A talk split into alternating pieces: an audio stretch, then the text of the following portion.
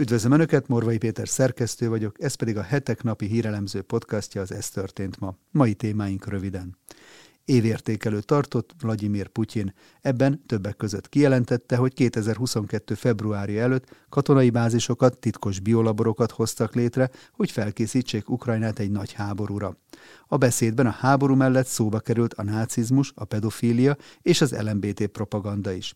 Ez utóbbi témával kapcsolatban az orosz elnök kijelentette, hogy a házasság egy férfi és egy nő szövetsége, de nyugaton még a pedofíliát is sokan normálisnak állítják be. Közben meg is érkezett az ukrán válasz Putyinnak. Tankokkal vonulunk a Vörös térre, üzente a Kievi Védelmi Parancsnokság vezetője. Eközben zajlik a háborús biznisz is. Megjelent egy videó arról, hogyan gyártják a lőszert Ukrajnának egy amerikai gyárban. És nem csak a hadipar, hanem a nemzetközi valuta alap is készen áll Ukrajna megsegítésére. Joe Biden után Zelenszky elnök az IMF vezetőjével is tárgyalt Kievben. Másodjára sem sikerült eltalálnia a német nagykövetnek, hogy melyik a magyar zászló. Van ez így, elvégre egy diplomata sem érthet mindenhez. Önök a február 21-i adást hallják, a nap legizgalmasabb híreit és aktualitásokat a hetek válogatásában, amelyeket a videónk leírásában szereplő linkeken el is olvashatnak, csak úgy, mint a hetek.hu oldalon. Köszönjük, hogy már több mint 24 ezeren feliratkoztak a YouTube csatornánkra, és hogyha esetleg ezt nem tették volna még meg, kérem csatlakozzanak, hogy biztosan értesüljenek a legfrissebb tartalmainkról. Akik pedig szeretnék támogatni további podcastjaink elkészítését, a videó alatti sávban található köszönet gombon tudják ezt megtenni tetszés szerinti összeggel. Előre is köszönünk minden felajánlást, és természetesen a megtekintéseket is. Nézzük akkor témáinkat részletesebben. Évértékelő tartott Vladimir Putyin, ebben többek között kijelentette, hogy 2022. februári előtt katonai bázisokat, titkos biolaborokat hoztak létre azért, hogy felkészítsék Ukrajnát egy nagy háborúra. A beszédben a háború mellett szóba került a nácizmus, a pedofília és az LMBT propaganda is. Ez utóbbi témával kapcsolatban az orosz elnök kijelentette, hogy a házasság egy férfi és egy nő szövetsége, de nyugaton még a pedofiliát is sokan normálisnak állítják be. Putyin beszédét azzal kezdte, hogy kiemelte, mi szerint hazánknak egy nehéz, mérföldkőnek számító időszakában tartom ezt a beszédet, amikor a világunk drasztikus változásokon megy keresztül. Ezek a történelmi események határozzák meg országunk jövőjét, és minnyájunknak hatalmas felelőssége van, mondta az elnök, aki beszédében szokásosan elismételte, hogy Oroszország megpróbálta békés úton rendezni a konfliktust a Donbass térségében. Ugyanakkor a nyugat béke iránti elkötelezettsége úgymond csalásnak és kegyetlen hazugságnak bizonyult. A háború békés rendezése kapcsán problémaként említette Putyin azt, hogy Kiev biológiai és nukleáris fegyvereket próbált begyűjteni más országokból. És bár Moszkva, az orosz elnök elmondása szerint mindent elkövetett annak érdekében, hogy békés megoldást találjanak, titokban egy egészen más forgatókönyv volt készülőben nyugaton. Szerinte a nyugati hatalmak csak húzták az időt, és eközben pedig szemet hunytak a politikai merényletek fölött, mondta.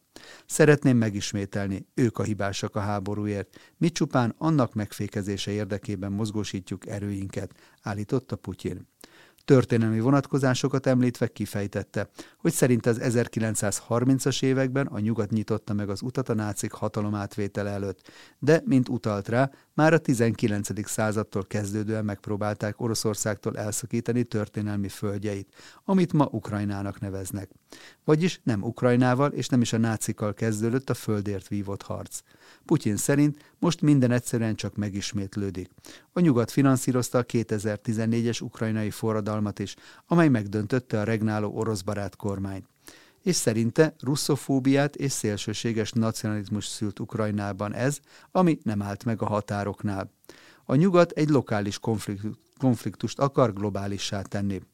Putyin szerint az USA és a NATO egymás után hozott létre katonai bázisokat, titkos biolaboratóriumokat, annak érdekében, hogy felkészítsék Ukrajnát egy nagy háborúra a határok közelében. Hasonlóan ahhoz, ahogy évszázadokon áttartó gyarmatosítás során is eljártak. Putyin ezután az LMBT jogokra tért át. Hangsúlyozta, hogy nyugaton még a pedofiliát is normális dolognak állítják be. Ami pedig az azonos neműek házasságát illeti, azt mondta, hogy a nyugat elismeri az azonos neműek házasságát, és szerinte ez rendben van, hiszen ők felnőttek és joguk van élni az életüket. Oroszországban szintén így van ez. Mi is mindig nagyon toleránsak voltunk ezzel kapcsolatban. De megjegyezte, hogy a Szentírás viszont azt mondja, miszerint a házasság egy férfi és egy nő közötti szövetséget jelent, és rámutatott arra, hogy a Föld minden vallásának szent szövegei ugyanezt mondják. A nyugat azonban kételkedik ezekben a szent szövegekben. Meg kell védenünk gyermekeinket a bomlástól és a degenerációtól, és ezt meg is fogjuk tenni, fogalmazott Putyin. Majd szóba hozta azokat a híreket is, amelyek szerint az anglikán egyház nem semleges, vagyis gender semleges kifejezéseket akar Istenre aggatni. Közben meg is érkezett az ukrán válasz Putyinnak. Tankokkal vonulunk a Vöröstérre, üzente a Kijevi Védelmi Parancsnokság vezetője, aki megfogadta, hogy kiűzik az összes orosz csapatot Ukrajna területéről, és meg sem állnak Moszkváig. Oleksiy Danilov szerint az orosz elnök egyenesen Hitler ikertestvére, és ő is egy bunkerben fogja majd végezni, miután Oroszország elveszíti a háborút. Mint arról beszámoltunk, megszólalt Putyin is, akik viszont kijelentette korábban, hogy nem ők kezdték a háborút. Danilov szerint azonban nem Ukrajna a felelős a háborúért. Nem mi hívtuk őket ide, mondta, és úgy véli, hogy végzetes csapást kell mérni Putyinra, és nem szabad megállni az orosz határon sem. Az ukrán tankok a vörös téren fognak parkolni, és ez lesz az igazságszolgáltatás, mondta a kievi parancsnok. Danilov, aki a kievi Nemzetbiztonsági és Védelmi Tanács vezetője, a háború első évfordulója előtt arra figyelmeztetett, hogy a legvéresebb csaták azonban még csak most fognak következni. Legutóbbi nyilatkozatában megfogadta, hogy Ukrajna igazságot szolgáltat annak a több ezer civilnek, akiket azóta öltek meg, hogy Putyin tavaly február 24-én lerohanta az országát. Megszállták a területünket, megölték az asszonyainkat, a gyerekeinket, időseket és civileket. Tankjaink a vörös téren lesznek, és ez lesz az igazságszolgáltatás, mondta Danilov a The Sun című brit lapnak. Ha nem adunk nekik megfelelő választ, akkor csak idő kérdése, hogy mikor szállnak meg egy másik országot is, figyelmeztetett Danilov. Közben zajlik a háborús biznisz. Megjelent egy videó arról, hogyan gyártják a lőszert Ukrajnának egy amerikai gyárban.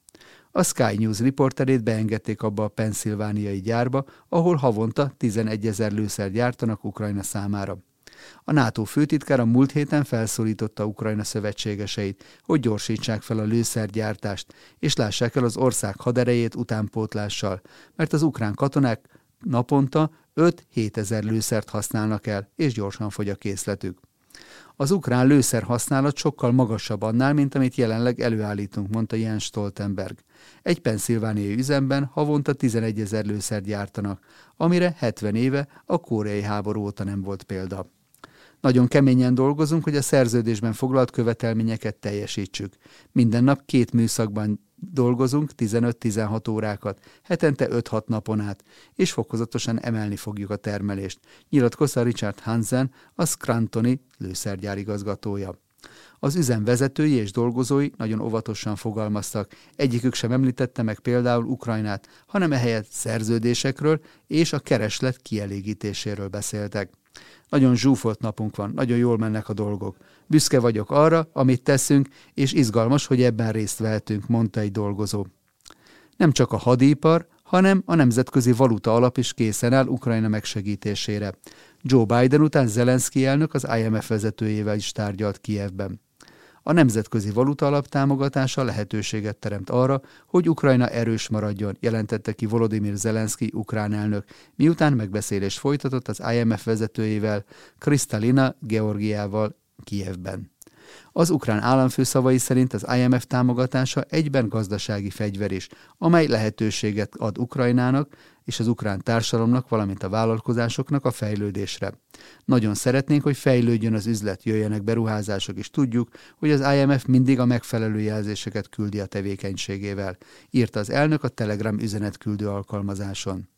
Denis Simhal miniszterelnök a Georgiával folytatott megbeszélését követően közölte szintén a Telegramon, hogy Ukrajna egy új több éves nagy program elindításával számol az IMF-fel, több mint 15 milliárd dollár értékben.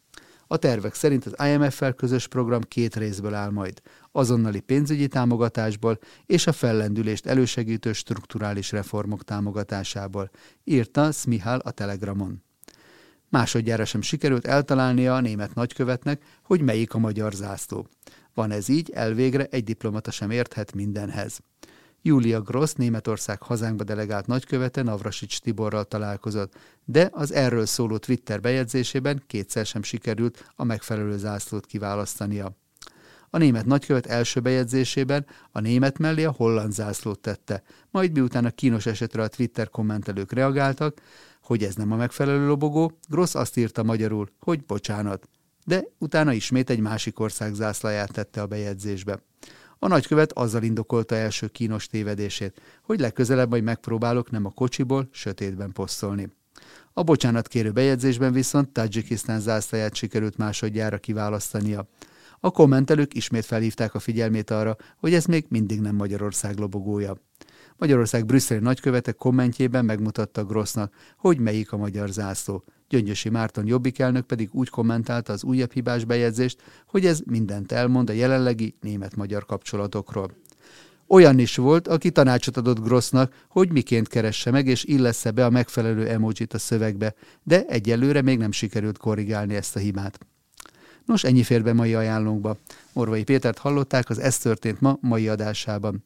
Holnap is várom Önöket aktuális hírekkel, ajánlókkal, és hogyha szeretnének ezekről az új adásainkról biztosan értesülni, akkor kérem iratkozzanak fel a Hetek YouTube csatornájára, ahogyan ezt már több mint 24 ezeren meg is tették, amit ezúton is nagyon köszönünk. Viszont hallásra szép napot és szép estét kívánok mindenkinek!